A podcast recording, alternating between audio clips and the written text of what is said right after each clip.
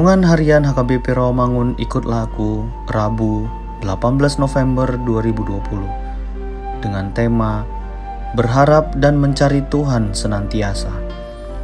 Bacaan kita pagi ini tertulis dalam Ester 7 ayat 1 sampai 10 dan bacaan pada malam hari tertulis dalam Matius 24 ayat 45 sampai 51 dan kebenaran firman Tuhan untuk kita hari ini tertulis dalam Ratapan 3 ayat 25. Tuhan adalah baik bagi orang yang berharap kepadanya, bagi jiwa yang mencari Dia. Demikian firman Tuhan. Begitu banyak masalah, kesulitan, penderitaan, dan tekanan hidup yang membuat kita lemah dan seakan hendak menyerah. Situasi ini tentu dapat melemahkan kita jika situasi itu menguasai hati dan pikiran kita. Seolah-olah tidak ada kekuatan untuk menjalaninya. Tidak ada lagi semangat dan keceriaan dalam hidup kita. Pada saat semuanya terasa sangat berat, tentu kita akan mencari kekuatan dan penghiburan yang dapat menopang kita.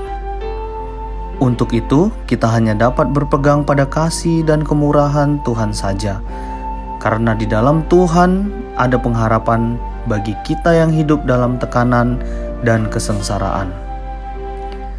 Firman Tuhan senantiasa menjadi jawaban atas segala pergumulan kita, sehingga kita tetap tegar dalam menghadapi berbagai macam kesulitan dan pergumulan.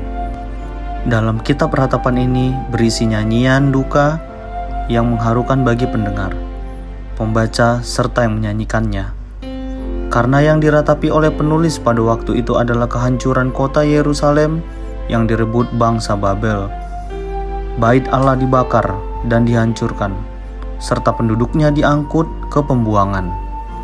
Di saat bangsa Israel meratapi jalan hidupnya yang penuh dengan penderitaan, serta menganggap hidup mereka telah habis atau berakhir, Nabi Yeremia justru memahami bahwa kasih Tuhan tiada berkesudahan dan memanggil untuk senantiasa berpengharapan kepadanya. Tuhan adalah setia. Ia tidak pernah mengecewakan kita, asalkan kita tetap setia mencari dan berharap hanya kepadanya. Mari kita berdoa. Tuhan Allah yang Maha Kasih, tempat pengharapan di dalam kehidupan kami. Terima kasih Tuhan atas kasih setiamu yang menguatkan kami. Ajarilah kami untuk senantiasa mencari Tuhan di dalam segala dinamika kehidupan kami, karena Tuhanlah sumber pengharapan kami. Amin.